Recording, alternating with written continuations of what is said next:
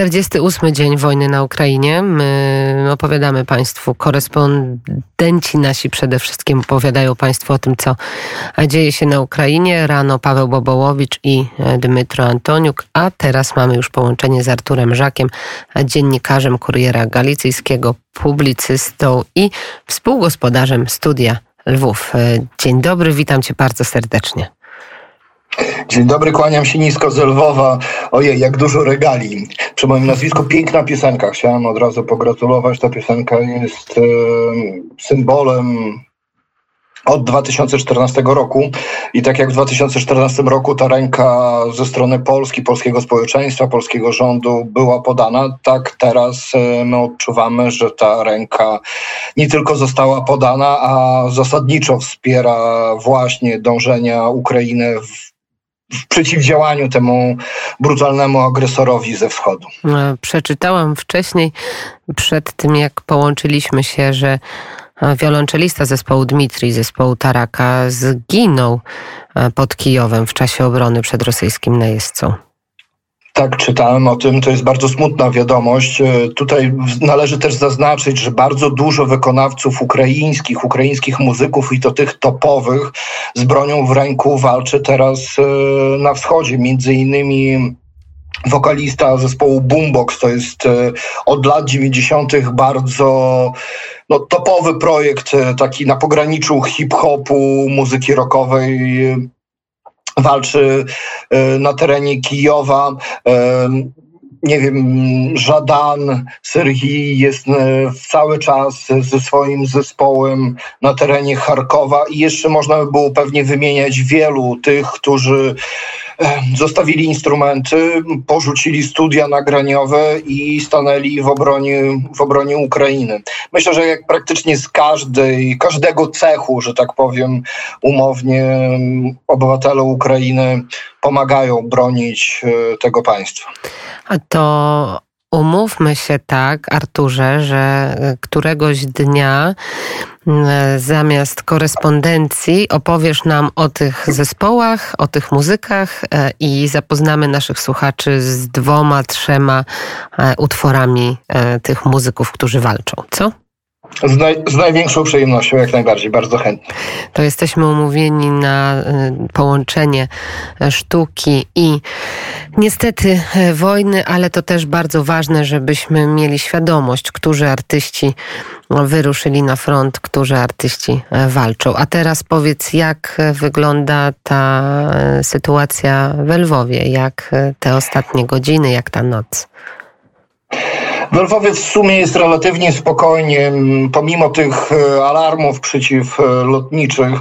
E, ta noc w sumie była spokojna, bo w nocy nie było alarmu. Alarm się skończył tuż po północy. Na szczęście nic na głowy mieszkańców Lwowa czy też obwodu lwowskiego, ziemi lwowskiej nie spadło.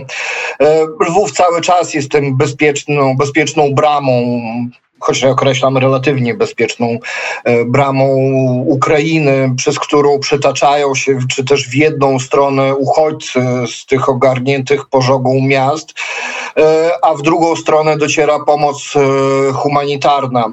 Tak jak wczoraj czytałem doniesienia władzy miejskiej, to mer Lwowa poinformował, że na terenie Lwowa już jest ponad 500 tysięcy uchodźców, z czego 300 tysięcy jest ulokowanych w, w ośrodkach dla uchodźców i w szpitalach, bo w dużej mierze to są ludzie, którzy potrzebują pomocy e, medycznej i to o różnym stopniu zaawansowania. Ponad 200 tysięcy jest e, w prywatnych kwaterach czy też pensjonatach, hotelach, więc e, ten kryzys humanitarny przesiedleńców jest jak najbardziej e, też widoczny, ale miasto działa mm, sprawnie. E, tutaj też e, trzeba właśnie zaznaczyć tę pomoc między innymi od samorządów polskich miast w kwestii na przykład autobusów, które są widoczne na ulicach, bo są widoczne, zostały dołączone do linii stałych linii komunikacyjnych miasta, a także służą jako transport e, uchodźców e, do granicy. Niemniej jednak, jak e, sprawdzałem ostatnio statystykę między innymi Straży Granicznej, Polskiej Straży Granicznej, to od wielu dni jest taka tendencja, że jednak więcej ludzi wraca na Ukrainę niż z Ukrainy e, wyjeżdża. Chociaż e, jak miałem możliwość też rozmawiania z tymi ludźmi, którzy zostali ewakuowani, między innymi z Mariupola, z okolic właśnie między innymi Iziumu, no to tam sytuacja jest e, łagodnie mówiąc tragiczna. To, co słyszałem od ludzi, którzy wyjechali z Mariupola, to pomimo tego, że mam dosyć bogatą wyobraźnię, że dosyć skrupulatnie się śledzę doniesienia i informacji e, o tej, o tej wojnie, to, to mi się w głowie całkowicie nie układa.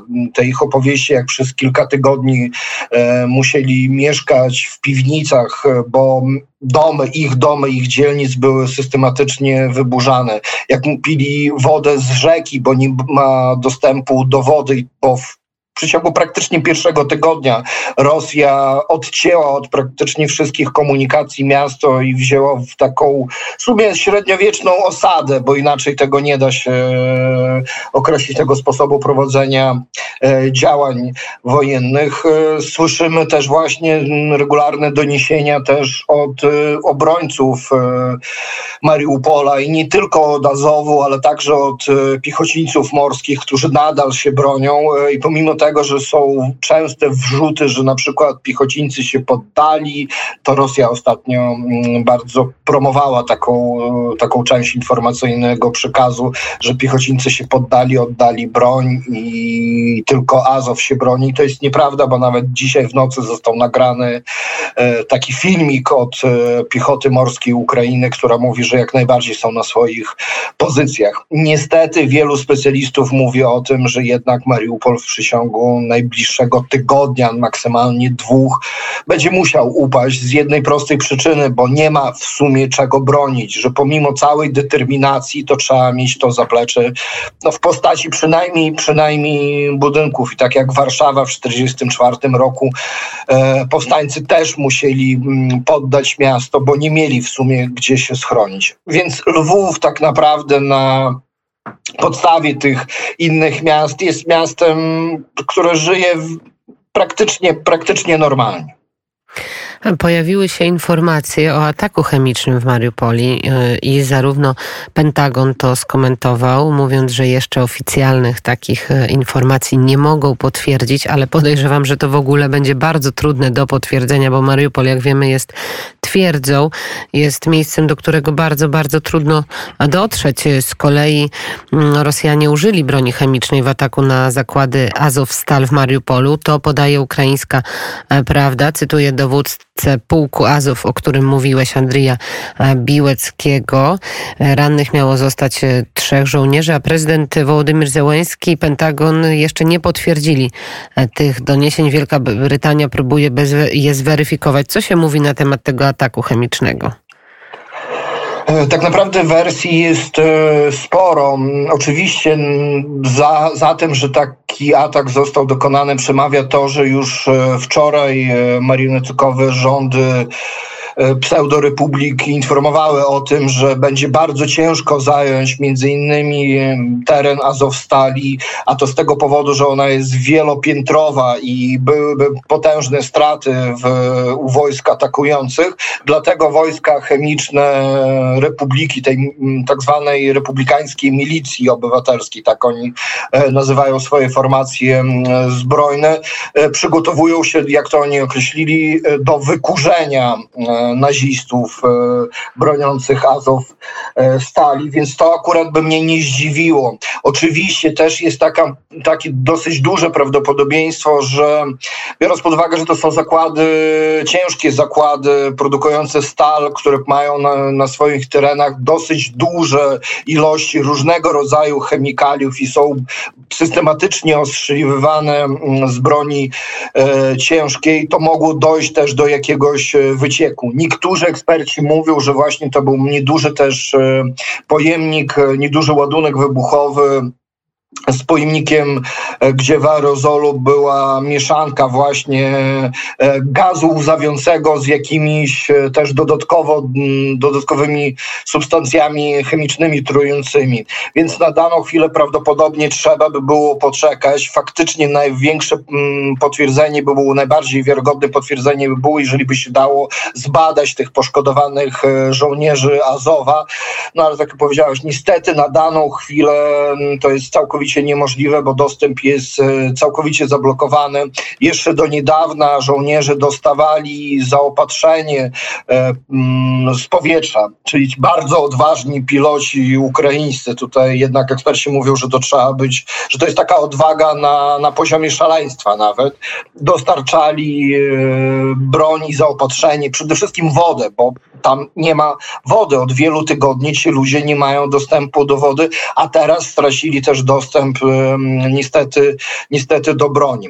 Ale może tak, żeby, przepraszam jeszcze, żeby rozrzedzić troszeczkę sytuację, tą tragiczną sytuację Mariupola, którego no, nie da się na daną chwilę według e, dowództwa ukraińskiego dokonać deblokady, e, dochodzą bardzo pozytywne informacje z terenu Iziuma, czyli tam jest przepotężny atak rosyjski. Niemniej jednak ruch rosyjskich wojsk i, i tak jakby uzupełnieniem składem osobowym rosyjskich wojsk wskazują na to, że Rosjanie nawet na daną chwilę nie mają możliwości wykonania tego planu minimum zajęcia obwodu ługańskiego i, i donickiego, e, bo najwyżej i nie są w stanie zająć całego Zagłębia, bo najwyżej na daną chwilę będą mogli zająć Słowiańsk, e, i Siewierodonieck e, i nie będą mogli wyruszyć w stronę właśnie Dnipra. Trzeba pamiętać też o tym, że Ukraina maksymalnie do końca tego tygodnia wprowadzi